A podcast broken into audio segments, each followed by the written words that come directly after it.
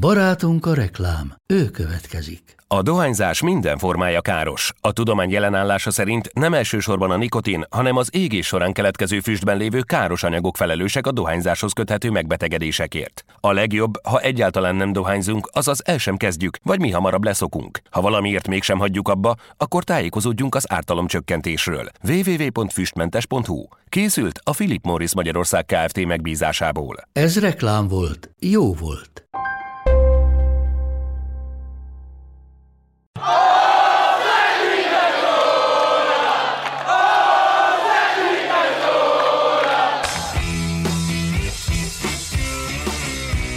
Ez a teljes terjedelem. Magyarország első futballpodcastja Bamstart Tiborral és Haraszti Ádámmal. És Berei Dánielt köszöntjük ismét nagy szeretettel. Korábbi újságíró azt mondtad, illetve Liverpool és Juventus szimpatizáns. Ez a korábbi, ez miért kell? Sziasztok, üdvözlöm a hallgatókat is. Azért, mert egy olyan fél évvel ezelőtt felhagytam az újságírással, és belevágtam egy új karrierszakaszba. Most ennek a kifejtését máskorra hagynám, ez elég hosszú lenne, de um, megmaradt csak a sport szeretete az újságírás helyett. Na de hát természetesen figyeled meg, azért követed azokat az eseményeket, amikről ma itt szó lesz. A mai kérdés az egy kicsit kapcsolódik a hétvége eseményéhez, vagy talán nem is annyira kicsit. Szabályismereti kérdés lesz ez a, ez a mostani. Szerintetek 11-es párbaj közben lehet egy kapus cserélni? Lehet. Nem lehet ha lehet, Ádi, akkor azt is meg tudod mondani, plusz pontért, hogy... Tehát akkor lehet, igen. hogy, hogy milyen körülmények között, mert azért az nem mindegy. Sejtésem sincs, megmondom őszintén. Valami derengez egyébként, hogy még lehet elmetek közben is, úgyhogy... No, ö, akkor erre természetesen visszatérünk, és nem is olyan nagyon sokára, mert ezzel akarok kezdeni, ami itt a Liga kupán történt. Fölhívtam ma Bedeferit, és szabályértelmezést kértem tőle annak kapcsán, hogy akkor itt most pontosan mi történt, és hogyan zajlik egy ilyen cserénél az. Ugye, hogyha valaki olvasta a, szabályzatot, ezt több helyen ö, berakták, belinkelték, akkor ott abban az áll, hogy a játékosnak nem köteles elhagyni a, ja, a pályát, még akkor sem, hogyha látja a saját számát felmutatva. Én egyébként őszintén szóval ezt nem tudtam, olvastam a szabálykönyvet, meg mindig az az egyik első dolog, amikor tanítok, hogy a szabályokkal legyél tisztában, de életemben nem láttam még olyat, hogy valaki visszautasítja a lecserélést, és ott marad a pályán, főleg ilyen szinten nem. Tehát a játékvezető nem tehet semmit, mint ahogy egyébként érdekes módon az edző sem tehet semmit, hiszen játék közben ő nem mehet fel a pályára. Úgyhogy legfeljebb hát a csapattársaknak... Diego Simeone szerintem tett volt ebben a helyzetben. Tehát... Ö, igen, csak tehát elvileg a szabály adta lehetőségek azok ennyit biztosítanak hogy, hogy az edző ordít az oldalvonal mellől, a másodedző is ordít az oldalvonal mellől. Ilyenkor egyébként ugye, hogy ez nagyon sok helyen elhangzott, akkor a, csapatkapitány lehet az, aki esetleg oda megy és jobb belátásra bírja a pályát elhagyni, nem szándékozó játékos. Hogyha valaki esetleg lemaradt volna itt a vasárnapi eseményről, azért mondjuk el, hogy mi történt. A mérkőzés 120. percében a hosszabbításban szerette volna lecserélni Kepári Szabalagát, a Chelsea kapusát, az edzője Mauricio Mauricio Sarri, de többszöri felszólításra sem volt hajlandó lejönni a baszki játékos, azok után, hogy egyébként előtte kétszer hát ápolták őt, görcs, húzódás, ugye ezzel kapcsolatban is több információ látott napvilágot. Nektek milyen érzéseitek voltak? Hát tényleg az a vicc, hogy itt most így gondolkozik az ember, hogy tényleg, hogy hasonló sem jut eszünkbe, tehát ez a nagyon kemény ebben. Most nyilván a kapus eset az megint egy érdekes sztori, de hogy önmagában ilyen, hogy valaki azt mondja, hogy már pedig ő nem hajlandó lemenni a pályáról, hát nem tudom, Mauricio Szárinak egyébként is azt gondolom, hogy megtépázták az idegeit, meg az önbecsülését is az utóbbi hetekben, de ez most tényleg ez a, nem tudom, a haba mi, miből készült tortán, tehát én, én is beütöttem a YouTube-re direkt hogy volt olyan játékos, aki megtagadta a Refused substitutions? Igen, denied substitute, egy jó angol kiejtéssel, és, és nem, nem volt ilyen. Dühös játékosok voltak persze lecserélésekkor, de, de ilyet én még nem láttam. Egyébként az is arra mutat, amit mondasz, tehát hogy ez, ez valójában ez a szabály, hogy nem tehet semmit a játékos, hogy én, én azt nem értettem, hogy miért nem mutatja fel a táblát egyszerűen a... Föl volt, tehát a táblát felmutatták, csak Aha. a közvetítésben nem látszott. A negyedik játékvezető odament, és megjelentek a számok a táblán. Tehát, hogy megtörtént a csere uh-huh. technikailag, csak gyakorlatban nem. Én azt gondoltam, hogy ezt valamilyen lappal lehet szankcionálni. Tehát, hogy hogy az a játékos, aki úgymond húzza az időt azzal, hogy nem hagyja el a pályát cserekként, akkor először sárga, ha tovább húz az időt, piros. Hát ez a legnagyobb hülyeség egyébként szerintem a szabálynak, hogy a bíró arra nem kötelezheti a játékost, hogy elhagyja a pályát, viszont ha lassan hagyja el, akkor adhat neki sárgalapot. nem? Tehát, hogy azért az ellentmondást érzitek. Hogy... Igen, tehát ezért gondoltam, hogy most egy sárgának kéne következnie először, és hogyha még továbbra sem, akkor az, az piros. De nem. Nekem egyébként nagyon ritkán van ilyen érzésem, mint amit, amit ekkor éreztem, és nagyon jó, hogy nem közvetlenül a meccs után beszélgetünk. Nagyon jó, nem közvetítetted a meccset. igen, engem nagyon felbosszantott ez az egész történet, és annyira, hogy közben elkezdődött az Inter Fiorentina meccs, és az első fél időt konkrétan nem tudtam nézni az idegtől, mert folyamatosan azt vártam, hogy akkor jöjjön a sajtótájékoztató, és próbáltam élőben nézni, aztán sikerült is. Míg a sajtótájékoztató nem kezdődött el, addig böngészgettem a különböző angol véleményekből. Ugye John Terry mondta, hogy ha felmutatják a számodat, akkor lejössz, ennyi, ez a tiszteletről szól. Ugye Chris Sutton, aki a, Chris Sutton a stúdióban azt mondta, hogy egyszerűen gusztustalan, hogyha ő ebbe beleszólhatna, akkor ő Kepa soha nem vehetné föl többet a Chelsea mezét, és azért leginkább ebbe az irányba mentek ezek a vélemények. Nagyon keveset én is játszottam, vagy futballoztam, és próbáltam lélektani oldalról a játékos felől közelíteni, hogy mit érzett, 11-eseket akart védeni, stb. hogy Szári hol hibázott, azon gondolkoztam kíváncsi vagyok, hogy például Fáhál, amikor azt a igencsak emlékezetes mm. cserét végrehajtotta a 2014-es világbajnokságon, ezt Sipőc is említette a közvetítésben, akkor vajon megbeszélte el Szileszennel, hogy őt le fogja cserélni, mert hogy itt Kepával nyilvánvalóan nem beszélte meg, holott mondjuk Willi Caballero behozatala azért több szempontból hát, indokolt lett volna, a méretei miatt, a City múltja miatt, a 11-es hárító képességei miatt. Szóval itt azért nem csak a, a görcsről szólt ez a dolog, hogy Kepalába görcsről, úgyhogy akkor cseréljünk kapust, tartogatott egy cserét erre Szári. Én szerintem ez olyan szintű tiszteletlenségről tesz tanúbizonyságot, én sem, én mondjuk 18 éve futballozom, de a legamatőrebb szinteken, amiken lehet. Utánpótlás koromban az edzőm ennél sokkal kevesebbe kér is fél évekre letett a padra. Tehát azt mondta, Dani kiállítottak utolsó emberként, kapusként, totál nem volt rá szükség, fél év. És akkor fél évig a másik kapusunk védett. Szóval én többet nem raknám be Kepát, ez egész biztos. Nyilván bonyolítja a helyzetet, hogy a világ jelenlegi legdrágább kapusáról beszélünk ahol, tehát valahol kell, hogy szerepet játszanak gazdasági érdekek is, hogyha ennyit kifizettünk egy játékosért, tehát most csak ezt, akkor nem devalválhatjuk el ezzel, hogy akkor innentől kezdve tartalékok közé száműzzük, vagy esetleg valami nagyon nyomott áron megválunk tőle, mert most nyilván nem ment fölfelé az ára ezzel a viselkedéssel hát, Sőt, sőt, sőt, ez az ami oltári hülyeség, és nem, tényleg, nem, nem, nem is tudja az ember hová tenni ezt az egész történetet, tehát ez olyan szinten példátlan, meg most tényleg pláne egy ilyen szem. Mert hogyha megy egyben látsz egyet, akkor érted, bejárja Igen, a világot. A helyi kiskirály nem jön le, mert... Van, persze, mert mit tudom én, a kocsmáros, vagy mit. a kocsmáros fia. Persze, igen. Így van, rögünk rá, hogy megtapsoljuk. Persze, ha, de vicces, oké, szevasz.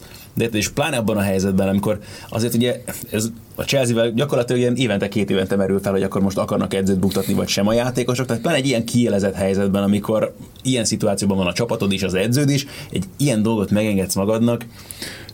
Valószínűleg szerintem ez egyébként egy válaszúthoz ö, állítja, egy válaszút elé állítja a Chelsea-t, mert ö, ha Kepa marad a kapuban, akkor viszont a Szárinak kell mennie. Én úgy gondolom. Tehát, Nem hogy kérdés. A, az ő, ő renoméját ez úgy megtépázta, hogy a, annak az edzőnek a szavára hallgatni akinek egyébként a múlt héten a 24 éves kis kapus gyerek nem jött le a pályáról, az... De várjál, tovább megyek, tehát egy tiszteletlenség Szárival szemben. De mit érzett az a Caballero, aki, aki könnyek hát, között térdelt ott a, a játékos kiáróban? Tehát amikor ő be akart állni, elmondta nekik, valószínűleg levideózták a 11-eseket, és hogy jöhetsz be a 11-es párbajra te.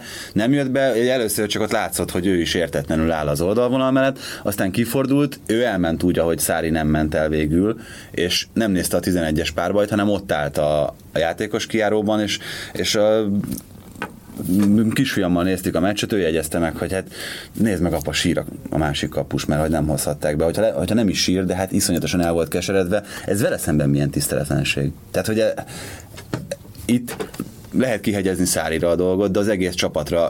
Gabriele Marcotti, az általam nagyon nagyra tartott szakíró írta azt egyébként, és ebben is nagyon kíváncsi vagyok a véleményetekre, hogy mennyire merül föl itt a csapattársaknak a felelősség, akik pályán voltak, ő Aspilicuetát emelte ki, mint csapatkapitányt, hogy neki nem az volt a baja, hogy nem ment ki és vagy nem ő beszélte meg Szárival, vagy nem lögdöste le Kepát, hanem az, hogy utána a 11-es párbajban odament Aspilicueta, és megveregette a vállát lényegében Kepának ami már kommunikációs szempontból is szerintem elég nehezen védhető dolog. Hát ugye ebben az a különös érdekes dolog, hogy két spanyol, de ráadásul két baszki játékosról van szó. Tehát, hogy ez még hm, külön ezt növeli a raktam, dolognak a pikantériáját. Tehát fú, nagyon, nagyon, nagyon, nagyon, nagyon nehéz az egész sztori ilyen szempontból. Jó, és utána ugye Aspilicueta nyilatkozata nem tudom, megvan-e? Utána azt mondta, hogy nem, nem észlelt semmit ebből a helyzetből. hát most érted, mit mondjon. Tehát ez a, ebben még a legokosabb, amit tehetett ebben a szituációban körülbelül, úgyhogy talán a 11-es párbajnál, válveregetésnél még én meg is védeném, mert abban a szituációban, amikor kupadöntő 11-es párbaj Chelsea, Manchester City óriási tét, akkor igen, bíztatom a csapattársamat. Tehát, hogy igen, oda megyek, megveregetem a vállát, védjél ki egy 11-es, de de kommunikációban, úgy meccs után is, meg stb. biztos, hogy ebben az esetben a csapatnak és a csapatkapitánynak is össze kell zárni az edző mellett. Tehát, hogy ebben a helyzetben nem lehet igazat adni szerintem a kapusnak egyáltalán az is egy nagyon érdekes dolog volt, amikor kezdődött a 11-es pár, vagy ugye az volt az első alkalom, amikor bármilyen módon kontaktálhatott Szári, illetve Kapári Szabalaga, és nem tudom, hogy meg volt, egy Rüdiger volt az, aki ellögdöste onnan Szárit, hogy most ne, ne ordíts az arcába. Ezek után nagyon furcsa az egyébként nekem, hogy a vérmérséklete Szárinak engedte azt, amit a sajtótájékoztatón mondott, hogy csak egy félreértés történt. Hát... Nem, tehát, hogy ott, ott akkor neki akart menni, a 11-es párbaj előtt, ami egyébként butaság, tehát, hogy ha már ő maradt fönt, akkor nyilván. Nagyon érdekes az egész sztoriban. Hát eleve Mauricio Szárinak az egész pályafutása, hogy honnan jutott el, hová, ebből különösen kirívó az, hogy tényleg egy olyan kispadra ülhetett le, ami, Megint csak egy nagyon érdekes kérdés egyébként, tehát önmagában az, hogy te Premier League-ben egy élcsapatnak lehetsz az edzője, menedzsere, hívd, hogy szeretnéd, az nyilvánvalóan egy nagyon vonzó dolog mindenki számára, aki az edzői pályára adja a fejét. De hogy ott tartunk már tényleg a Chelsea-nél, hogy valami olyan szinten nincsen becsülete az edző személyének. És ha megnézed az egész Abramovicsra, de már korábban is azért ezt, tehát még Cambridge alatt is bőven azért ott repkedtek emberek össze meg vissza, de hogy tényleg egy olyan, nem tudom, nevezük ezt kultúrának egyáltalán, nem tudom, szokásjog, rendszer, stb. alakult ki. Jó, egyébként is, tehát nem kérdés, hogy bárki bármit mond, a játékosok szava még mindig a legfontosabb a mai modern labdarúgásban is, és ebből a, a, a csúcsa meg végképp egyértelmű. Tehát amit Ferguson még meg tudott csinálni a Manchester Unitednél, hogy ő megmaradt főnöknek, az gyakorlatilag már jóformán sehol nem észlelhető, mert egész egyszerűen... Hmm, azt, hogy sehol az túlzás, de, de kevés hely, kevesebb igen. helyen. Igen, Tehát, hogy igen.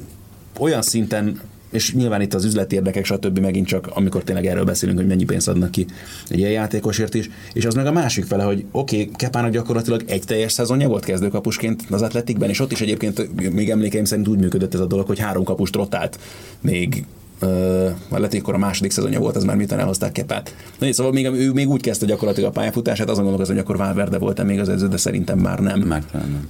Amikor uh, Jago Ererinnel, meg uh, fú, nem fog eszembe jutni még a másik idősebb kapusok, gyakorlatilag három kapust variáltak, például úgy kezdődött neki a pályafutása a Bilbao szóval ilyen nagyon komoly rutinja nyilvánvalóan nem volt. Oké, persze egy nagyon tehetséges játékosról van szó, ezt már tudtuk róla nagyon régóta, meg Real Madridról beszéltek vele kapcsolatban, stb.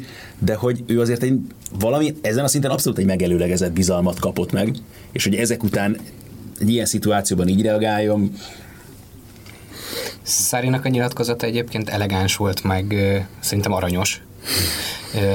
Én úgy így megsajnáltam azt a bácsikát, akivel csúnyán viselkedett a kapusa, de valószínűleg egy kommunikációs táb áll a, a válasz mögött. Ettől függet, én egyébként aláírom, hogy a meccs után ennek kellett történnie, de, de most viszont muszáj lenne valakinek kikerülnie a Chelsea-ba ezek után. Hát meg, meg szerintem az egész világ arra vár, hogy ezt ezt kommunikálják. Tehát az ne, ne nézzék volna, hülyének a világot de- de nem azzal, is az, hogy persze, félreértés történt. De valahol szár is, tehát hogy mondjam neked, tehát, hogy ő még, ő még kapaszkodik ebbe a munkába, vagy komolyan azt gondolja, hogy itt akkor neki lehet hosszú távú terve, meg Ö, Nem, szerintem itt ez azzal van összefüggésben, amit mondtál, hogy ő honnan jött, meg hogy ő, ő milyen, milyen vállalati kultúrából érkezett. Szerintem ugye ő nagyon későn csöppent az edzősködésbe, és nagyon későn kezdett el profi edzőként dolgozni. Lehet, hogyha, hogyha futbalista közeli- közegben szocializálódik gyerekkorától fogva, akkor, akkor kevesebb fegyelmezettséggel kezeli ezt a kérdést. Itt viszont az volt, hogy a, az ő felettese fejebb valója azt mondta, hogy már pedig ezt a helyzetet ezt most így kezeljük, és egyébként személyesen majd, majd lehet másképp menedzselni, akkor akkor ő ezt megértette. Azért mondom, hogy annak ellenére tartom ezt furcsának, ahogyan egyébként ott a 11-es párbajnál meg a pálya mellett viselkedett. Tehát, hogy azért az is, az is egy elég sajátos dolog, hogy az edző elindul lefele az öltözőbe meccs közben, hogy ő ezt, ezt nagyjából nem bírja idegileg, és már hozzáteszem, hogy teljesen érthető módon. Szerintem az az igazi énje egyébként. O- Ott jött ki az, ami, ami ez az abolázatlan szári, Igen. ami, aki nem a gondolkodik. dél származású a- Toszkán, igen. letépte a mellényt, ordított, csapkodta a kispadnak a székeit, és az, akit a sajtótájékoztatón láttunk, az pedig az, amit föl kellett venni. Igen, az már, a, az már a, az angol elvárások szerinti head coach. milyen mértékben megalázó, meg Az, hát Egyébként kérdezték a, a jövőjéről is akkor, és ő folyamatosan azt mondta, hogy ő bízik benne, hogy bíznak benne, és szerinte fejlődtek, és ő még maradna az edző.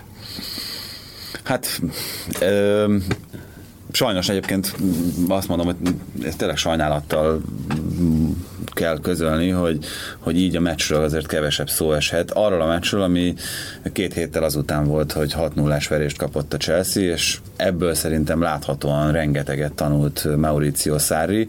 Ezt a Manchester City-t úgy megfékezni abban az összeállításban, meg azzal a játékkal, amivel előjött ez a Guardiola csapat, nagyon-nagyon kevés együttes tudta volna, és amit ugye rendszeresen Szári szemére vetnek, többek között én is ezt mondtam, hogy ő, ő maga is ezt mondja, hogy neki nem kell B-terv, hanem egy jól működő A terv az, ami, ami igazán működik itt a Chelsea-nél is képes volt változtatni, és képes volt más szemlélettel pályára küldeni ezt a csapatot, amelyik el tudta rontani a Manchester City játékát. Ennél sokkal többre szerintem, mint amit a Chelsea ebből a meccsből kihozott 120 perc alatt, sokkal többre nem lenne képes sok csapat a világban. Ezt most ezt nyugodtan, nyugodtan kimerem jelenteni.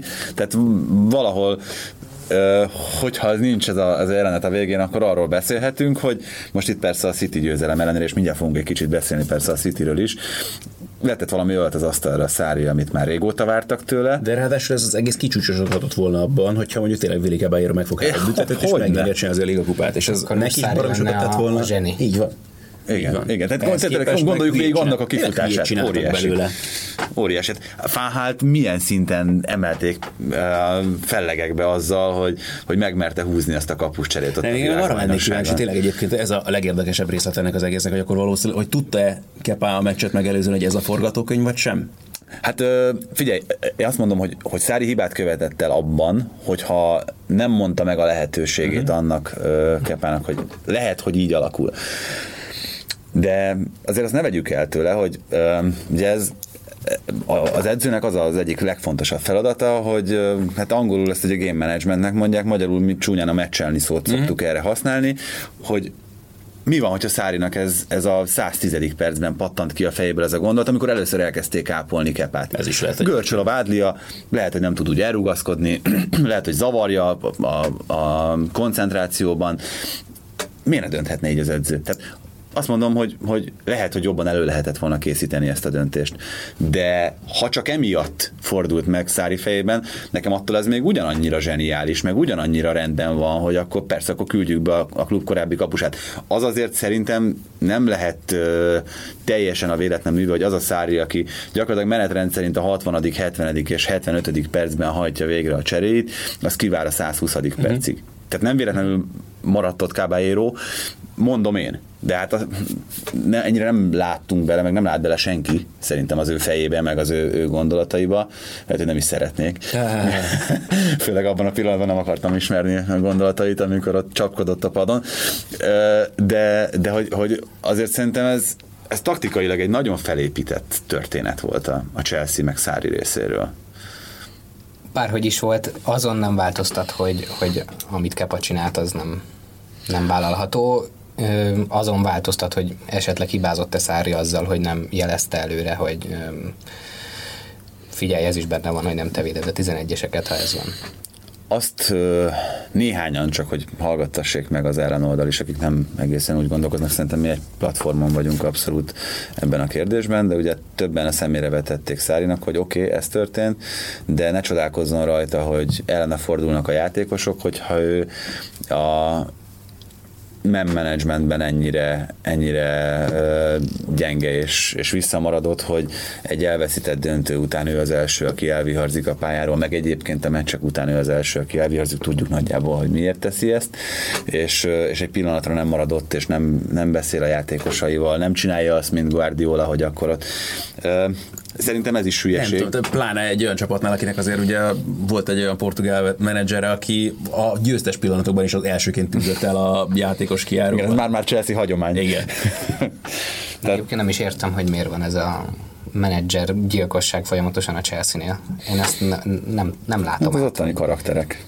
Nem, mert tényleg ez ilyen, nem tudom, már ilyen klubhagyományé Megtehetik. Hogy Tehát, és, és, igen, mert látja, hogy a klubvezetés az meg így van, tehát hogy az, az így áll ezekhez a dolgokhoz. Jó, hát akkor keresünk a következőt. És tényleg jó, akkor nézzük a következő hülyét. Ki van elől még a katalógusban? Hmm, ezt az, az olasz csávó, konta jól nézzük meg, hát ez belefér. Tehát tényleg ez van, hogy, és az meg a másik, hogy a Chelsea meg is teheti, hogy gyakorlatilag tényleg válogat itt az éppen piacképes vezetőedzők közül, mert és jönnek, az meg a másik, hogy jönnek, és nem mond nemet senki egy ilyen lehetőségre. Hát meg most, hogyha azt nézzük, hogy 70 pluszos kapus tudnak venni, akkor Szárinak mennyi 5 vagy 6 millió volt a lelépti díja? Hát ahhoz képest Persze, az egy hát vicc. az nem? pontosan. Tehát, hogyha edzői posztra keresel valakit, ami azért akárhogy nézzük egy kulcspozíció minden klubnál, akkor szerintem azt Ez egy zseppénz, le, amit idegenbe a meccsnél így beraknak a játékosok zsebébe, egy költő. Igen. Meg Igen. Na de ö, szerintem, hogy van, van még valami, amit ehhez hozzá, nem nagyon, ugye, amit hozzá tudunk tenni ehhez a, vagy. ehhez a sztorihoz. Öm, igazságtalanok lennénk, hogyha nem beszélnénk a Manchester Cityről, meg arról, hogy végül is az a Sterling vágta be a győztes 11-est, akiről a legtöbbször ugye azt mondtuk, hogy, hogy pszichikaiak, pszichésen nem feltétlenül mindig felkészült a feladatra. Meg a helyzet kihasználás igen, a döntő pillanatokban azért meg megremeg az ő lába, és az a 11-es az úgy eléggé a Azt helyén hogy volt. vágta be? Tehát, hogy az Totti. De igen. Totti jutott eszembe arról. Mondjuk előtte Ázár se volt gyenge,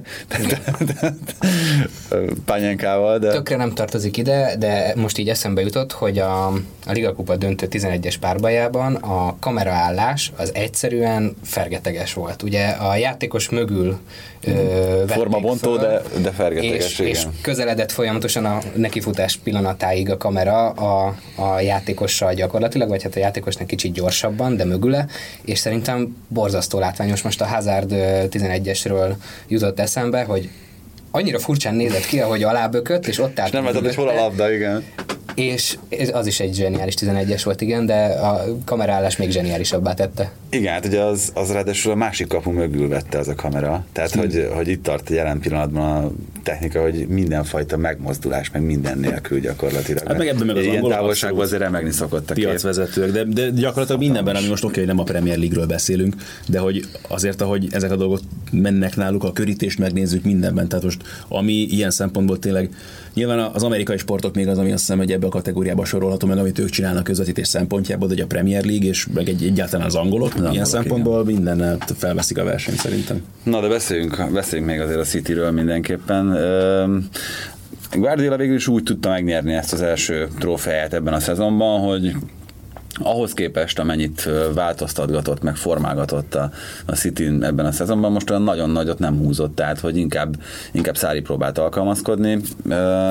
A City csak a szokásosat hozta, ha úgy tetszik. Hát nekik ez körülbelül elő, erről is szólt talán ez az egész Liga Kupa sorozat, nem? Tehát, hogy így megnézted a Guardiola, hogy mi van a keretében, kiben mit lehet kisajtolni, milyen poszton érdemes betenni, mit tud megvalósítani, ha szükség van rá. És ha már kapus kérdés, Muric, aki végigvédte az egész sorozatot, hát ez itt meg ezt a egy- döntőt meg megkapta Ederson. Egy igen érdekes kérdés az, egész, meg, de szerintem Muric is tisztában volt vele, hogy azért, tehát eleve már, hogy ő visszakerült, ugye a szezon elején még arról sem volt, hát ez bravo élet volna ez a sorozat, tehát, pontosan. az- Tehát ilyen szempontból ő abszolút ajándékot kapott, és még abban sem vagyok biztos, hogy feltétlenül nem bánta azt, hogy neki nem kell azért most ezen a meccsen védenie. Ez így szerintem teljesen korrekt volt az ő részéről, és gondolom, hogy azért ez Guardiola megbeszélte vele, és azért meg ahogyan annak idején visszavették, tehát már az is valahol egy gesztus volt az ő irányába, hogy akkor nem az volt, hogy akkor emergency, nem tudom, valakit berántanak hirtelenjében, akit lehet ilyen, nem tudom, szerződés nélküli veteránt, hanem hogy akkor, akkor jöjjön vissza a srác, akit egyébként meg hiszem Viteznél lett volna, és nem Viteznél, bocsánat, az a Chelsea-nek a, a, nem tudom, feeder klubja. A, valahol, de Hollandiában lesz. Vala, igen, igen, igen. Breda vagy valami ilyesmi, de megnézem. Um, eszembe jutott erről valamiért Buffon, aki az utóbbi nyolc évben ugye négyszer nyert a Juventus uh, olasz kupát, Buffon nem lépett pályára ezeken. Uh-huh. Uh, és nem, nem tudom, hogy hirtelen melyik a jobb, hogyha egy kapus, aki a második számú, harmadik számú kap egy ilyen sorozatot és végigvédi, vagy a döntőn azt akkor odaadjuk a sztárkapusnak. De hát végül is Guardiolát igazolta, mert, mert Ederson fogott meg annyi büntetőt, ami ahhoz kellett, hogy Hát meg nyilvánvalóan... gól nélkül. Igen, tehát Ederson azért a csapatjátékban is van annyira fontos elem, hogy egy Chelsea elleni döntőn valószínűleg nem volt megengedhető az, hogy az egyébként meccsenként 40-50 labdaérintés produkáló kapus a Manchester City-ben, és ez valamikor még ennél is magasabb ez a szám, az, az Muric legyen. Tehát szerintem, szerintem ennyire, ennyire leegyszerűsíthetjük a, a problémát. Viszont kicsit... Bocsánat, csak megnéztük, ja? hogy Muric a Bredában egy egész bajnokit védett az idei szezon. Na, Babos Gábor késői utódja. Így van. Hát, ö, igen, igen, igen. Fehér Csabi egykori, egykori klubjában. Viszont ugye City jó alkalmat kínál arra, hogy egy kicsit visszatekintsünk még az előző heti bajnokok ligája párharcokra. Ott az volt egy kicsit az ember érzése, hogyha szerencsésen is, de a Schalke ugye meg tudta fordítani a City elleni mérkőzést még az első félidőben, ott egészen a második félidei cseréig, tehát mondjuk Zané behozataláig, mint hogyha Guardiolán egy kicsit a tanástalanságot láttam volna. Nem tudom ti hogyan, hogyan érzékeltetek, vagy láttátok ezt a meccset? Nem, nem. Én a, csak az összefoglalót néztem meg, és most még ebben nem szállnék be, de egyébként van, jól. van egy véleményem erről, a, ott leginkább a videóbírozásról a, az a meccs. Az nagyon szép kapcsán. történet. Uh, akkor mondom. Uh, a Kele Jani írt egy posztot még a meccs alatt, szerintem nem így kéne használni a videóbírót. Ugye ott volt két, hát elég érdekes 11-es, amit, amit kapott a sáke, és, és nekem egy kicsit más véleményem van erről az egészről, mert én látom Olaszországban, valószínűleg Jani kevesebb olasz meccset nézett az elmúlt másfél évben, mint én, nem olyan mazoista. De erről, hogy ezt nem én mondtam. Szerintem, szerintem egészen jól működik a videóbíró. Ő ugye azt írta le abban a posztban, hogy hogy ne szubjektív dolgokra használjuk a, a videóbírót, hanem csak az objektív dolgokra hagyatkozzunk benne. Tehát az a labda kim volt-e, az les volt-e, az az ember, nem tudom, le se helyezkedett abban a pillanatban, amikor ez döntőnek bizonyult. És olyanokban ne használjuk, amikor van egy ilyen 11-es gyanús szituáció, és a bíró nem látta, sokan voltak ott, de a másik öt bíró szólt a stúdióból a fülére, hogy te figyelj már, ezt meg kéne nézned ezt a szitut, mert nem tudom, birkózás volt, és ez 11-es gyanús. És uh, Jani ebben a posztban azt írta, hogy szerinte erre nem kéne használni, mert például ebben a, ezen a meccsen is két olyan, hát kérdéses uh, döntéshez vezetett.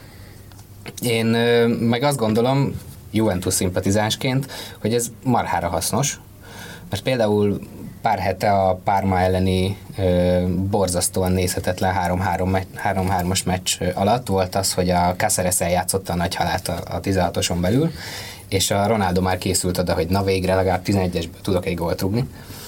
Ö, és aztán a bíró kiment, meg, megadta a büntetőt, rászóltak a fülére, kiment, visszanézte, és azt mondta, hogy akkor szabadrugás kifelé, mert a Caceres eljátszotta. És ezek a szituációk például megelőzik azt, hogy most a következő három hónapot az interszurkolók megint azzal töltsék, hogy, hogy, hogy, hogy bírozzanak, és... De nem is az, hogyha van egy ilyen eszközünk, akkor érted, tehát pláne ez aztán különösen kétséges necces szituáció. Most az egy dolog, hogyha a bíró hülye, és még ezzel is hülye, akkor már legalább nincsen mentsége. De akkor legalább ezt mi is el tudjuk mondani, hogy akkor valóban erről van, hogy igen, a bíró hülye, és nem, nem azon megy az anyázás akkor, hogy basszus kulcs, még csak ott, ott van minden technikai lehetőség, és akkor még csak tényleg a szansz sincsen meg arra, hogy korrigáljon egy ilyen helyzetben. Igen, tehát a, a, a szubjektív részeket ugyanígy át kell nézni szerintem, mert ez egy marha jó lehetőség arra, hogy még négy-öt kameraállásból vissza lehessen nézni ugyanazt a szituációt, amit takarásból mondjuk kevésbé látszott. Mm, itt ez a Sáke meccs, ez, ez egy állatorvosi ló volt ilyen szempontból. Tehát mert ugye, bocsánat, ugye a lényeg az egész sztoriban az, hogy nem is tudta megnézni. Nem működött a pálya, a pálya mellett, igen. úgyhogy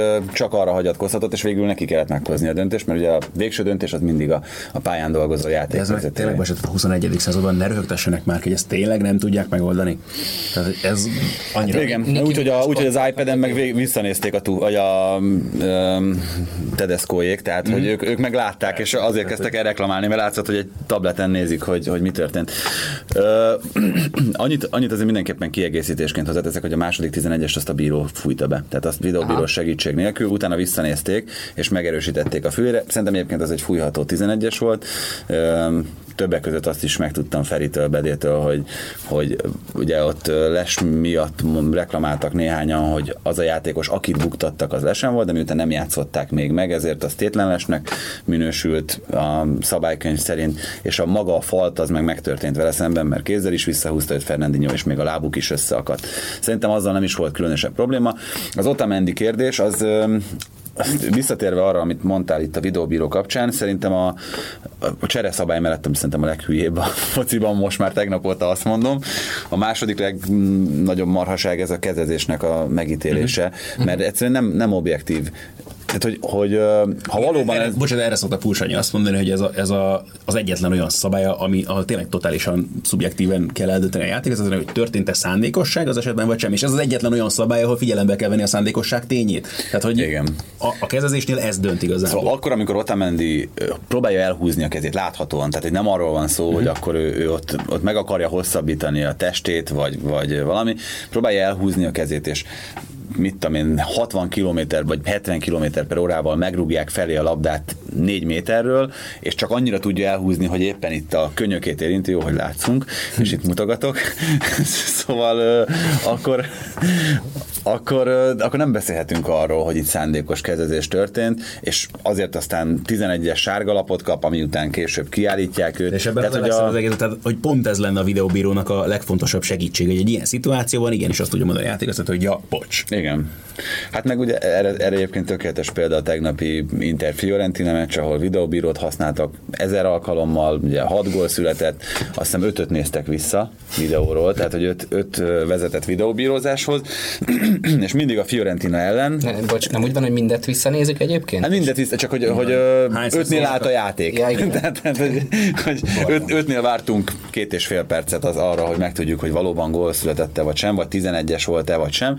És ugye itt ezt pedzegették a, a Ligisporton is, hogy, hogy miért hozta meg azt a döntést a végén a játékvezető, amit ugye általában a Fiorentina ellen szóltak ezek az ítéletek, még hogyha a legtöbb esetben szerintem jogosan is, és aztán a Fiorentinának adtak meg egy olyan 11-est a 101. percben, vagy egy ö, olyan gólt, ami, ami végül is ö, nekik kedvezett. Hát az, hogy 101 percig tart egy mérkőzés, Ja, az már igen, önmagában. ö, ezt emeljük ki, hogy ezért a videóbíró vezet ilyen típusú rekordokhoz is, hogy valószínű ez volt az első olyan papíron 90 perces meccs, aminek az első és az utolsó gólja között 101 perc. igen, a 17. másodpercben született az első gól, igen. Az utolsó meg a 101 És ugyanaz a csapat szerezte ráadásul. Ezt is igen. a videóbírónak köszönhetjük. Hála az égnek, hogy, hogy van videóbírónk. Én nem, tehát én továbbra sem tudok teljesen megbékélni azzal, hogy, hogy történik a pályán valami, ami teljesen természetes érzelmi reakciókat vált ki, és aztán utána újra kell élni ezt, a, ezt az egész eseményt, de tényleg ebben most nem menjünk bele. Viszont szerintem a videóbírónak a következménye az, hogy, hogy Chiellini és Bonucci hogyan játszotta el ezeket a szituációkat az Atletico elleni mérkőzésen. Ők egyszerűen már, már hozzá vannak szokva ehhez a rendszerhez, és tudják azt, hogy ha mondjuk egy ilyen kétes helyzetben ők kicsit könnyebben megadják magukat. Én azt mondom, hogy Chiellini Bonucci három évvel ezelőtt nem esik el így a 16-oson belül, hanem meggyilkolja az ellenfelét. Itt most ugye lát, lehetett látni ezt a videót, gondolom ti is láttátok, hogy amikor bemegy a gól, az atleti gól, akkor utána Bonuccinak elkezd sokkal jobban fájni. A, az elmúlt tíz évem végig kísérte az a Busquets kép, Ó, én, én ott voltam azon a meccsen. amikor ugye kész kinézett, kinézett, megint megmutattuk a, megmutattuk a rádió hallgatóknak, hogy hogy nézett ki Busquets, ugye az ujjai között figyelte, hogy mi történik. Most ugyanezt csinálta Bonucci, és egyszerűen fájt szerintem minden Juventinónak azt látni, hogy egy olasz csapat, ami mindig is a védelméről volt híres, ráadásul a legnagyobb olasz csapat elvileg top védője, mintha nem is tudom, nem akarom megsérteni a La Liga szélsőket, de mintha egy La Liga Pontosan. szélső lenne, Abszolút. hisztizik Abszolút. a földön, amikor védekezni kellene. Tehát nézett ki a Bonucci az ujjai között, hogy hm, gól lesz? Hát, nagyon fáj a fejem, de közben nézem, hogy gól lesz, ez borzalmas. És akkor megint érted, tehát ott a lehetőség, hogy ezt visszanézzék, és akkor ezek után ez a döntés születik. Tehát, hogy Megérdemelték. Meg, abszolút, én is azt mondom. Um, van innen visszaút a Juvénak? Egy átleti ellen, mert ez egy, szerintem ez a legfontosabb és leghangsúlyozandóbb kérdés ez, ez ügyben. Tehát egy átleti ellen lehet-e mondjuk három gólt rúgni? Úgyhogy a nem kapsz is. egyet sem. Elég a kettő is. A hosszabbítás az igen. Igen, tehát uh, első körben nagyon másban biztos, hogy nem érdemes gondolkodni. Figyelj, hogyha adott ez a feladat. A támadó potenciál megvan. Igen, pontosan ezt akartam mondani, hogy a képességeknek nincsen hiány a Juventus ahhoz, hogy ezt az eredményt össze tudja hozni. Szerintem van egy nagyon jó edzőjük is. Lehet, tehát hogyha van csapat, sok másra most így hirtelenjében, tényleg nem tudom, még a Barszát tudnám elképzelni ebből a kategóriából, nagyon, hogyha most kéne mondani, és nem tudom ki az, akire egyáltalán tényleg potenciálisan azt PSG. mondani. De még rájuk sem, ha őszinte Egy, lenni. egy full strength PSG. Az a probléma, hogy tudásban, emberállományban valójában igen, a Juventus az egyik olyan csapat, aki ezt megfordíthatná, de a jelenlegi formát ki, tekintve én gyakorlatilag elképzelhetetlennek tartom. Én már fejben a következő szezonra készülök. Allegri biztos Mindig nem. jövőre? Allegri viszont biztos Nem, tehát biztos nem. Az Abban a legkevesebb, hogy meg fogják próbálni, hát sőt, hát most mit, mit biztos csinálnának? Nem, biztos nem leszek ezzel szimpatikus a Juventus szurkolók között, de, de valljuk be, ennek a, az Atlético Madridnak ö, miért rugnánk most három gólt 90 perc alatt, ha kapura lövésünk is alig volt, vagy Hát ennek az talán nem is Atlético a volt. góldrön is bravúr, nyilván az nem kérdés. Ne, de hát figyelj, ott van, megvették valamiért Ronaldot, Most villancson, igen. így van pontosan. Tehát ez a lehető legjobb alkalom mindenre. Ronaldo mögé kéne valaki, aki nem botlik el a labdába, Morata. és Ja. hívják már. Tehát például a Matuidi az, amit támadásban művelt az Atlético ellen, az nem, hogy az Atleti ellen nem lenne elég, talán az Újpest ellen se. Én is olyat fogok mondani, amivel nem leszek népszerű. Szerintem, uh, szerintem Kedire nagyon hiányzott ebből a Juventusból, egész egyszerűen, mert annyira tudja olvasni a játékot, amennyire nagyon kevesen. Uh, nem vicceltem. De, de én még bólogattam, csak ezt sem hallották hallgatók. Nem, csak azt hittem, úgy nézte rám, mintha, mintha valami viccet mondtam volna. Nem, tehát hogy egyrészt szerintem neki ebben van nagyon fontos szerepe, másrészt neki a, a pályán van egy olyan vezérszerepe, amit nagyon kevesen látnak. Én ezt már ugye többször elárultam, hogy én, én nagy Kedira fan vagyok, annak ellenére, hogy itt az emberek többsége nem nagyon értékeli az ő, ő játékát.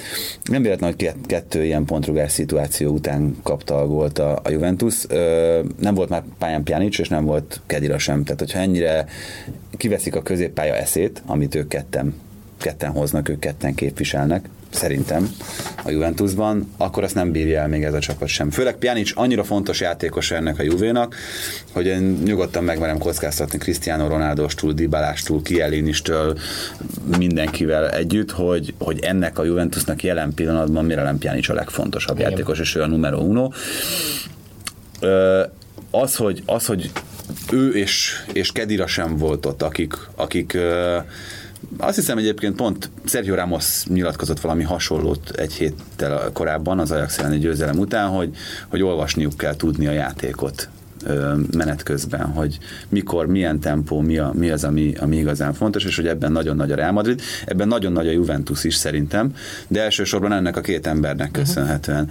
Úgyhogy bármilyen furcsa, én én erre vezetem vissza első körben azt, hogy a, a Juve ilyen ostoba gólokat tudott kapni egy meccs hajrájában, ami azért nagyon nem jellemző az Allegri csapatokra. Most közben azt nézegettem, a múltkor Augsburg Bayern meccsen mutatták Sami Kedirát a nézőtéren, hogy a tesója Rami az Augsburgnak most éppen közép hátvédje, de egyébként ő is középpályás szokott játszani, úgyhogy ott, ott volt, meg ugye neki szívműtéte volt most. Igen, Igen már, már végül is hajtották a Ez elég ijesztően hangzott. Egyébként, ö, ha nem próbálunk egy kicsit kiszakadni az Atlético meccsből és távolabbról nézni a Juventus problémáit, valamit, akkor igen, aláírom, ez a, a legnagyobb probléma jelenleg az a köz, középső belső hármas. Mert nem igazán tudjuk, hogy mit akar játszani ez a csapat, szerintem. Tehát én igazi játékkal való győzelmet talán a Real Madrid elleni idegenbeli 3-1 óta nem nagyon láttam, az meg azért elég rég volt. Majd az olasz bajnokikat rendre az egyéniségek döntik el. Az, hogy Dybala meg tud verni három méteren belül két védőt, azt, hogy a Mandzukic föl tud menni három és fél méterre fejelni, hogy a Ronaldo jól ad be, hogy a Ronaldo jól lő, ezekkel nyerünk, nem azzal, és itt jön a Pjanic hiánya leginkább, hogy kombinatív nem tudom, folyó, kombinatív játékkal folyosókat nyitnak, és tökig kijátszák a, a kapu előtt a játékot. Ilyen nem nagyon történik, ilyen kipattanók, beadások, ilyenek mennek be. És azzal, hogy a, a Mandzukic megsérült, hogy a jobb oldalra uh, szerintem Allegri eltitkolt uh, gyermeke került uh, Desio személyében.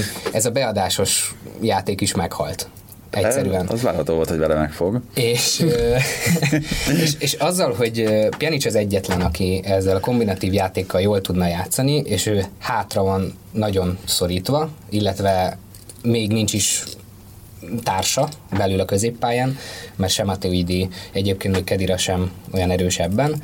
Ráadásul még Dybala ki van rakva teljesen a jobb szélre, amikor mm, amikor három csatára, 4-3-3-ban áll fel a Juventus, jobb oldalon el van szigetelve mindentől, ezzel, ezzel gyakorlatilag meghal az a, az a játék, amivel mondjuk Ronaldot ki lehetne szolgálni jó kis góllövésben, úgyhogy talán erre egyébként megoldást jelenthet majd a Remzi. Pont ezt akartam mondani, és meg már is feszegetni ezt a kérdést, Bizony. mert nagyon kíváncsi leszek, hogy ő milyen szerepkörben, hogyan, milyen mennyiségben fogja játszatni ő, ő, szerintem, amit itt Kediráról elmondtam, az, az a, neki, tehát ő, Kedirának egy jobb kiadása, vagy még talán fiatalabb is, ugye? Igen, meg ő, ő főleg, tehát inkább offenzívebb játékosnak tartom nála, viszont ez, ez a készség abszolút hát, megvan. Az ő gólszám Kediránál sem rossz évek óta, tehát ő kapu elé is érkezik, hogyha Persze, kell. hogyha, hogyha olyan pozícióban játszhat, mm. igen. A kezdő középpálya ugye úgy néz ki a Juventusnál papíron, hogy Pjanic, Matuidi, Kedira, uh-huh.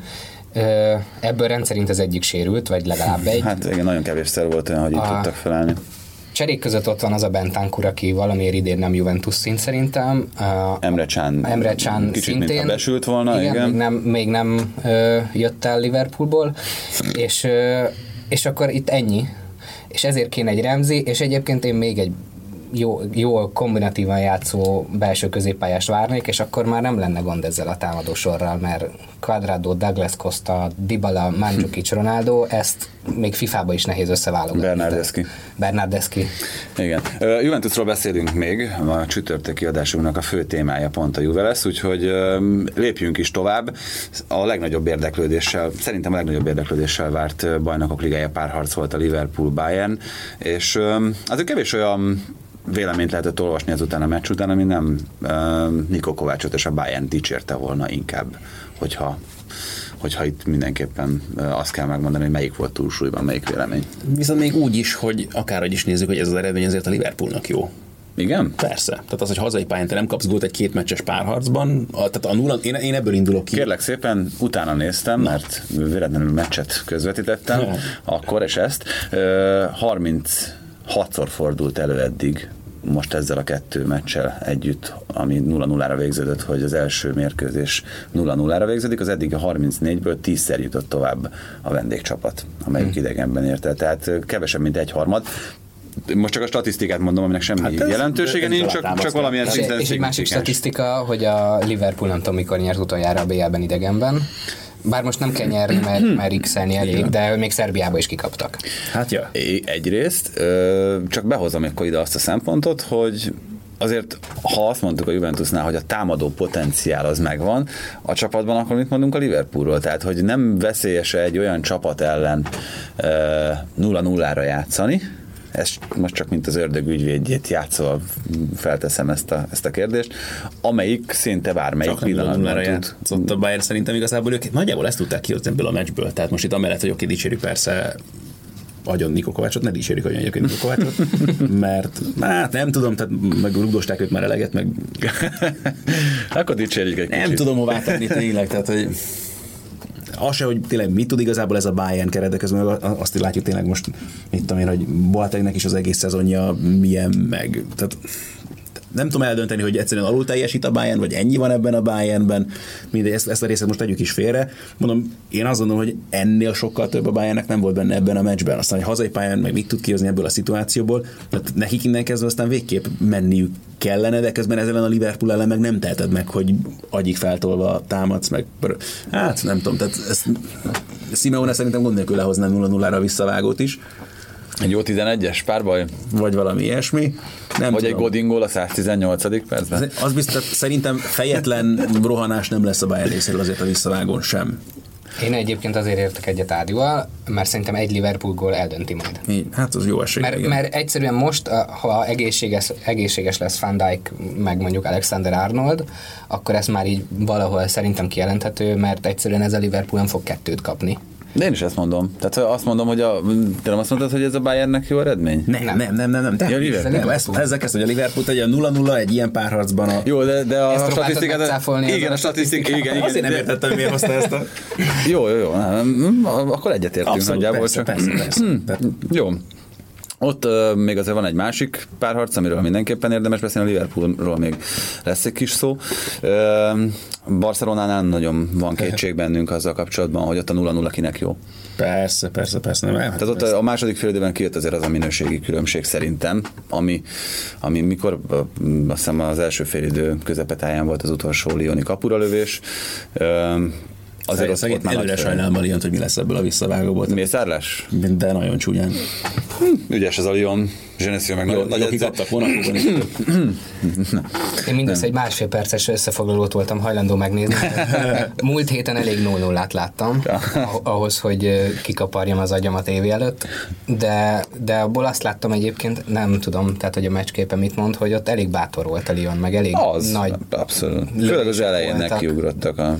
Én, én, azt mondtam, és nem tudom, hogy azt itt mondtam a, a podcastban, hogy ez tipikusan az a meccs, ez a Barcelona, az a párosítás, inkább így mondom, ahol a szimpatikus kis csapat alakítgat ki helyzeteket egy darabig, még arra is emlékszünk, hogy ú, mi lett volna, ha az a helyzet bemegy, hogyha a Sterstegen nem tolja a felső lécre, ugye ez egy nagyon nagy védés volt, talán az egész BL forduló legnagyobbja, amit ö, sikerült valahogy kitornáznia, de aztán utána valahogy az esélyesebb csapat. Igen, valahogy a BL-ben jön egy Messi, vagy egy Ronaldo, vagy egy... Igen, ez így, szok, így szokott általában. Tehát amit mondtál az egyeniségekről a Juventusnál, az, az szerintem pont itt a, ebben az egyenes kieséses szakaszban kicsúcs csúcsosodik, majdnem minden meccsen. Hát reméljük, de, de szerintem oda azért majd több kell egyébként. Simeone ellen. No, de akkor maradjunk is a Liverpoolnál, mert hogy utána játszott még egy 0-0-át a héten. Az is egy egész sajátos csúcsot hozott az a mérkőzés. Nekem volt szerencsém Gerazolival megnézni azt a meccset, aki, amikor leültünk, az első mondata az volt, hogy micsoda hülyeséget csinált a Szulser azzal, hogy ha leülteti Lingardot a padra, akkor akkor annak semmi értelme nincs, mert hogyha, hogyha a padról hozza be őt, akkor meg fog sérülni, miután húzódása volt. Ha esetleg bemelegít a csapattal rendesen 40 percen keresztül, akkor van rá esély, hogy végigjátsza ezt a mérkőzést. Bejött hát Lingard, és 8 idén, percet töltött a pályán. Ez volt, hogy Diego Costa, hogy a VL döntőben Simeone-nél. Jó, de ő kezdette. Tehát Persze, ezt az, hogy, bármennyire furcsán is hangzik, hogy igen, ebben a szituációban valóban, hogyha ennyire kérdéses a sztori, akkor valószínűleg tényleg ez a jó döntés, hogy ezt tudod csinálni. Kicsit hasonló volt pályát az Európa Liga döntő uh-huh. most, bár uh-huh ennyire talán nem volt egyértelmű a történet. De hogy tényleg furcsán hangzik az a sztori, de hogy ekkor ezt, tényleg ezt kell tenni, mert akkor kiderül, akkor még őt le tudod cserélni, akkor csak egy cserét szúrsz el. Hát egyrészt, másrészt meg tényleg, ami, ami a bemelegítésről elhangzott, az egy nagyon lényeges mm. dolog. Akkor rendes bemelegítést csinált. Ilyenkor, amikor, amikor csere volt, főleg ebben a helyzetben, hogy sérülés mm. miatt kellett cserélnie, behozta, aztán ő is megsérült. Ráadásul ugye annál a, a meccs, meccs legnagyobb jeleneténél, amikor ugye Allison kinyúlva valami egészen elképesztőt védett. Szóval azért ez egy sajátos helyzet volt, hogy a 42. perc percre úgy használt el mind a három cseréjét Szulsjár, hogy látszott a meccsen is szerintem tökéletesen, de hát azóta kiderült, hogy Rashford is sérülten játszotta végig a, szinte az egész meccset, hogy végig húzta a lábát, mert csak akkor sprintelt, hogyha muszáj volt. A Gerazolival egyébként mennék akkor tipmixezni. Viszont igen, egyébként én is ezt néztem, hogy mi a fenének őt cseréli be, tehát, hogy ott volt a Sánchez is. Akkor aki, még volt, igen. Akit lehetett volna cserélni. Aztán ő, az ő helyére jött Sánchez. Igen, ezért mondom, hogy mi, mi lett volna, ha spórol egy cserét, és, és egyből Sánchez hozza be. De egyébként egy kinkeserves meccs volt, zárójelben.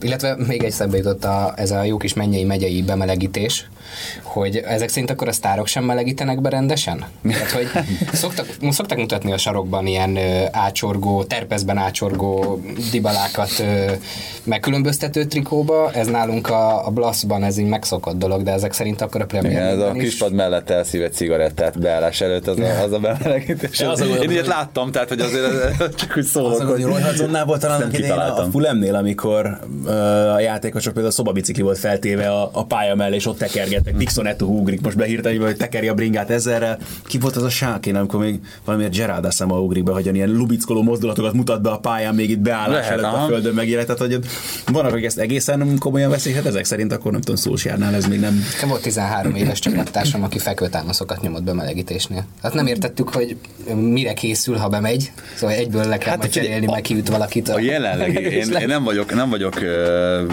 anatómus, meg erőléti szakember, a jelenleg elfogadott elképzelés szerint ugye hideg izmokat nem lehet nyújtani, tehát mindenképpen el kell jutni egy bizonyos pulzus számig, és tartani kell azt ahhoz, hogy egyáltalán az izmokat el tud kezdeni nyújtani. Hogy ezt mondjuk fekvőtámaszozással, vagy, vagy futóiskolával, vagy néhány ilyen ö, lazább kocogás, vagy néhány méter ilyen lazább kocogással éred el, az már nyilván az erőléti edzőnek a, az elképzelésein múlik, de, de például ugye Chad Forsyth volt az, aki a Zárzanához kerülve megtiltotta a játékosoknak, hogy hidegen izmot nyújtsanak. Tehát, hogy ott onnantól kezdve ide, ideig kell eljutni. Tehát, hogy Onnantól kezdve ez ugye megszűnt, hogy azt látod, hogy a pálya mellett ott fölteszi a lábát egy játékos, és akkor ráhajolgat, mert azért ez egy megszokott látvány volt, szerintem még öt éve is, hogy, hogy a játékos föláll, és akkor elkezd, elkezd nyújtogatni.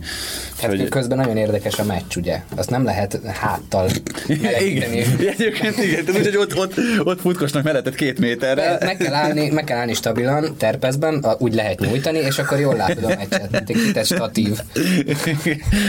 Igen, tehát hogy ebben szerintem azért egy viszonylag nagyot hibázott Szulsjár, viszont abban, amit a második félidőben láthattunk a United-től, hogy formációt váltott, és 4-3-3, és most megint bejött az, hogy Lukaku a szélen játszotta, és, és védekezésben is egész ügyes volt, úgyhogy a, nem a hát a felső bal hátvéd.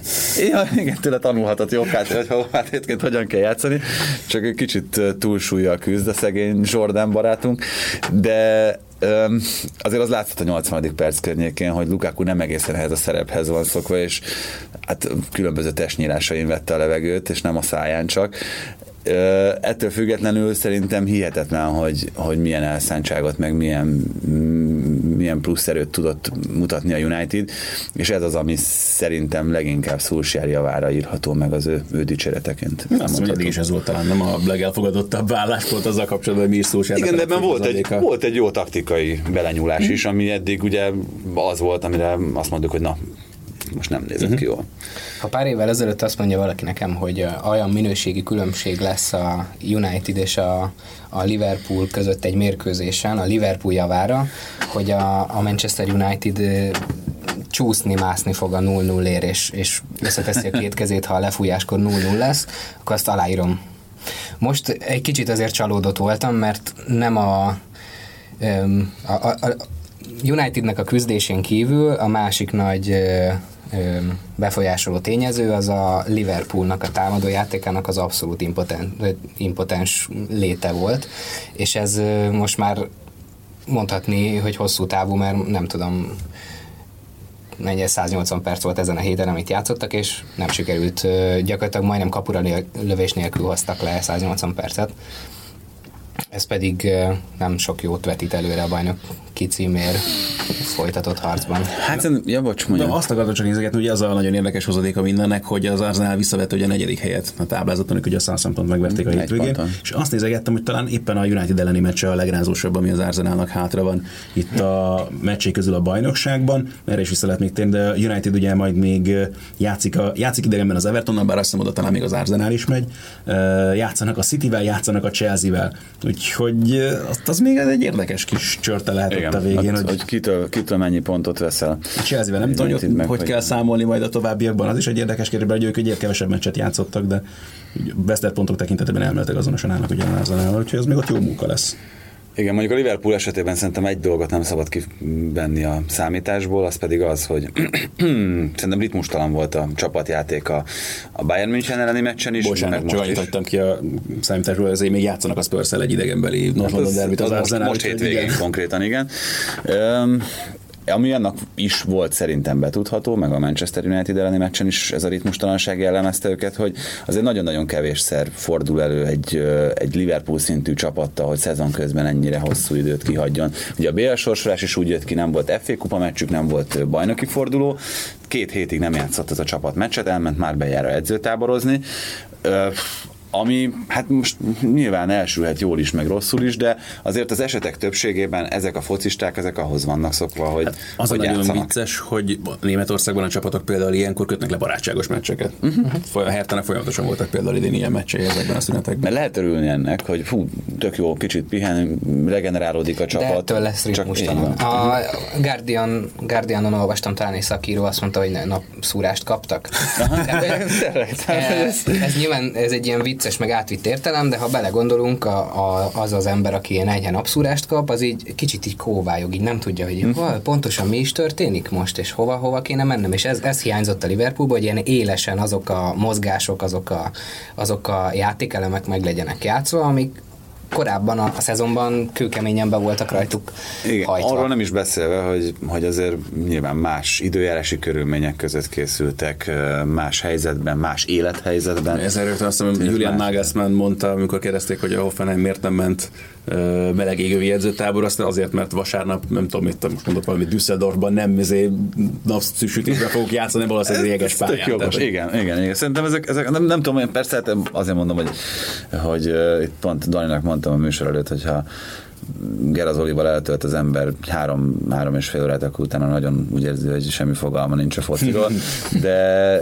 de, de én is azt gondolom, hogy ennek van, van jelentősége. Még egy dolog, mielőtt elárulom majd a, a megfejtést, itt uh, volt több minden is betervezve, de, de még erre van időnk, és ezt szeretném, hogyha azért kihangsúlyoznánk. 71 évesen és 198 naposan ült Roy Hodgson a kispadon a Premier League-ben a hétvégén, amivel megdöntött minden fennálló csúcsot. Ugye Bobby Robson-t előzte meg, Sir Alex Sir Ferguson Bobby ennek a Sir Bobby Robson, Sir Alex Ferguson ennek a listának a harmadik helyezettje. Hova helyezzük Hodgson-t? Ah, nagyon érdekes, hogy nagyon szeretem egyébként őt, de... Én is a szerethető nagypapák közé tettem volna. I- igen, igen, valami ilyesmi, tehát, hogy nem lehet, Zoli is mindig úgy beszél róla egyébként, tehát ő, ő is nagyon szereti Hodzont. És, és azért voltak eredménye, és igen, ez tehát azért nem sorolható nyilván pontosan a, a legnagyobb edzői krémbe, mert ugye pont ezek az eredmények hiányoztak tőle, hogy valami komolyat domborítson. Tehát basszus, egy olyan emberről beszélünk, aki volt az internacionál edzője, mert szerepelt Hány válogatottnál? igen, Igen. tehát hogy nagyon komoly dolgokat vitt így is véghez. A legnagyobb elithez nyilván nem lehet oda tenni, de a, a legszerethetőbbek közé mindenképpen. Hát meg azért az, hogy a Premier League-ben edzősködik valaki ennyi idősen, az azért szerintem önmagában egy egyedülálló dolog. Egy, egy ilyen iszonyatos pörgés, ami tönkretesz egy Mourinho-t, tehát Egy Guardiolát, tehát hogy nézd meg, hogy mennyit öregedett ő. meg mennyit ősz. Hát nézd meg, mennyit öregedett Hodzon. 71-et. Um, a Liverpool szurkolók hogy hogy gondolnak Hodzonra, az egy ilyen nagyon érdekes dolog. Most megnéztem azt a csapatot, ami, ami Hodzon féle volt, és Ah, ott láttam bocs, olyanokat, hogy Mielőtt belecsapsz, ezt, pont ezt akartam. Tehát, hogy ő tipikusan az az ember, aki valószínűleg egyébként nem is alkalmas ezekre a legnagyobb feladatokra, és valóban a kisebb keretekből képes kipréselni a maximumot, mert hogy pont ez, hogy Koncseszkit hozta oda például bal hátvédnek, meg ilyenek. Igen, Tehát, hogy akartam sorolni. Tehát, hogy mondjad, ugye ott, a, ott elment, elment Mascherano a nyáron, ott az kellett, kezdett széthullani az a Benitez féle Torres Gerard, Mascherano, Xabi Alonso féle ultrabrigád, és akkor ilyenek kerültek be a helyére, mint azon a nyáron Raúl Meireles, vagy Christian Pulsen a Juventusból. Szerintem, ahogy kimondom, összerezzennek majd a hallgatók a, a, a podcast mögött. Kirgiakos, Koncseszki, Jovanovic, Mert Kiriakos szerintem még az még Benitez hozta, Lehet, az valami, igen. ott ő ilyen, ilyen utolsó pillanatos valami. Jó, de ott maradt hozzá. nem azt mondom, hogy őket hozta oda, hanem hogy ők játszottak a keze alatt, Ergo, amikor a Hodzonnak volt egy kis esélye arra, hogy na most egy top klubnál megmutathatja, ugye ott a Fulhamnek volt elég hosszú ideig az edzője, amikor a Liverpool elhozta. És neki meg volt az esélye arra, hogy akkor itt van egy top klub, lehet virítani, na most akkor lett a Liverpoolban nem top klub. A leggyatrább, igen, kerete volt. Tehát És, a- és a legkeményebb az, hogy amikor meg elment, akkor ugye akkor jött a, a Luis. Suarez meg Andy Carroll, tehát hogy nyilván meg Dollisék hozták, de hogy Carroll meg joggal röhögünk, de hogy tehát azért érezhető a változásot, és ott inkább Suarez emelném ki ebből a szempontból. Nyilván. azt- aztán jött Brendan Rodgers, aki elképzelhető, hogy visszatér a Premier League-be, hogy a Claude Puel helyére ő a legfőbb esélyes, hogy elhozzák a Celtic-től. Így, ez meg egy nagyon érdekes sztori. mert Ó, én örülnék amúgy. Igen? Én Rogyi bácsit is szerettem. Nekem az a furcsa egyébként, hogy ha van két összenem illő ember, vagy összenem illő nem tudom, keret és edző, akkor az a Lester kerete meg a, meg Hát a igen, Rodgersnek a játékról alkotott filozófiája. A kontra, igen, a kontra csapat, és azért nem működött Püel elképzelése sze- se- szerintem, mert hogy, hogy ez, ő nem kontra csapatot akar csinálni az egyébként arra felépített keretből. Igen, a Rogers érában úgy hívták a, a Liverpooliak ugye a- az elejét a Liverpoolnak a Suarez, Sturridge, Sterling 3-ast, hogy a cápa, amelyik fölfalja az ellenfelét. Na most ez nem tudom, tehát a Leicesternél inkább a hátulja a cápa. Azt, nem is tudom, minek nevezzük. Nem is tudom, hogy mi a szápa ott. Andy, vagy nem, nem tudom, szóval Jamie Wardy talán, vagy- na mindegy, Nem, meglátjuk. nem, nem. No, elmondom a választ a kérdésre, lehet cserélni, tehát ez már azért kiderült talán a, a a, második kérdésből is. Viszont elég speciális szabályok vonatkoznak erre. Abban az esetben lehet cserélni, hogyha megmaradt egy csere lehetősége Igen. a csapatnak, tehát hogy nem plusz csereként jön ez, és hogyha a játékvezető felé hivatalosan azt jelzik, hogy megsérült a kapus. Tehát csak abban az esetben lehet kérvényezni cserét, és hogyha ezzel trükközik, akkor ugyanúgy lehet vizsgálatot indítani, mint ahogy a szándékosan összehozott sárgalapnál, meg egyéb, egyéb dolgoknál. Tehát ott a bíró nem vizsgálhatja meg, hogy tényleg fájja a játékos keze. Egyébként itt most azért is kérdeztem ezt, mert hogyha Kepát le akarta volna cserélni akár közben, akkor a két ápolás erre mm. akár még lehetőséget is biztosíthatott volna. Görcsöl a játékos nem bírja, és maradt egy csere lehetőség. Hogyha nem marad egy csere lehetőség, akkor is egyébként lehet cserélni, akkor egy mezőnyjátékos állhat be, és akkor Az ugyanaz nem a... csere, az egy másik történet. Igen, de ugyanaz a szabály lép életbe, mint hogyha kiállítottak volna egy játékost a mezőnyjátékosok közül, tehát egyel kevesebb rúgó lesz akkor a másik oldalon is. Ez szerintem egy Én tökéletes azt hiszem, hogy szabály. ez, a- ez a része itt a futball szabálykönyvének fejlesztésre szorul. Így, így ez az egész. Mert ez jó, hogy ritkán van ilyen, de ez maga a, a csere, amiről... Hát az, hogy pályán maradhat a játékos önmagában. Igen, az tehát hülyeség már szerintem. rögtön az, hogy miért nem lehet szankcionálni. Persze, nem megy le sárga. Meg ez egy hivatalosan jegyzőkönyvben kerülő történet. Tehát neked le Igen. kell, egy pohorról le kell adni, hogy kit akarsz lecserélni. Igen, Tehát ez a- ez a furcsa nekem is, tehát, ez- hogy- ezek után De hogy a 11-es párbajban is szerintem ezt még azért lehetne gyúrni ezt a kapuscserét, hogy mi az, hogy hivatalosan a edzőnek vagy a, a bírónak kell jelezni, hogy megsérült. Orvos, igen, orvos, orvosként a játékvezető. De egyébként ti tudtátok erről a, erről a csere szabályról, hogy nem kell Kell elhagyni nekem az a... derengett, hogy ja, hogy nem kell elhagyni a pályát, az, az abszolút nem, ez nem is volt meg nekem. sem. De Azért hogy mondom, hogy szerintem mindannyian olyanok vagyunk, akik figyeljük a focit, Persze. meg, de, de hogy... Mert nem merül fel, nem merül fel. Igen, Igen, soha. igen, igen, igen. Soha korábban. No, viszont szerintem sok minden fölmerült, ami érdekes volt itt az eheti teljes terjedelemben is. Hallgassatok, nézzetek minket, ugye videókat is töltünk fel, és a Facebook oldalon várunk mindenképpen kommenteket is, akár a műsorra vonatkozóan, akár a jövőbeni témákra vonatkozóan. Csütörtökön majd egy nagyon érdekes témával foglalkozunk, leginkább Cristiano Ronaldo, illetve a Juventus kapcsolatát boncogatjuk, illetve azt a lehetőséget, hogy milyen elképzelései vannak a Juventusnak Cristiano Ronaldo esetleges pótlására, hogyha ő majd már nem lesz a klubnál. Úgyhogy szerintem azt is érdemes lesz meghallgatni. A mostanit köszönjük szépen, Dani, és folytatjuk Köszönöm a csütörtökön. Lehetőséget. Sziasztok! Ez volt a teljes terjedelem. Magyarország első futballpodcastja Bamstart Tiborral és Haraszti Ádámmal.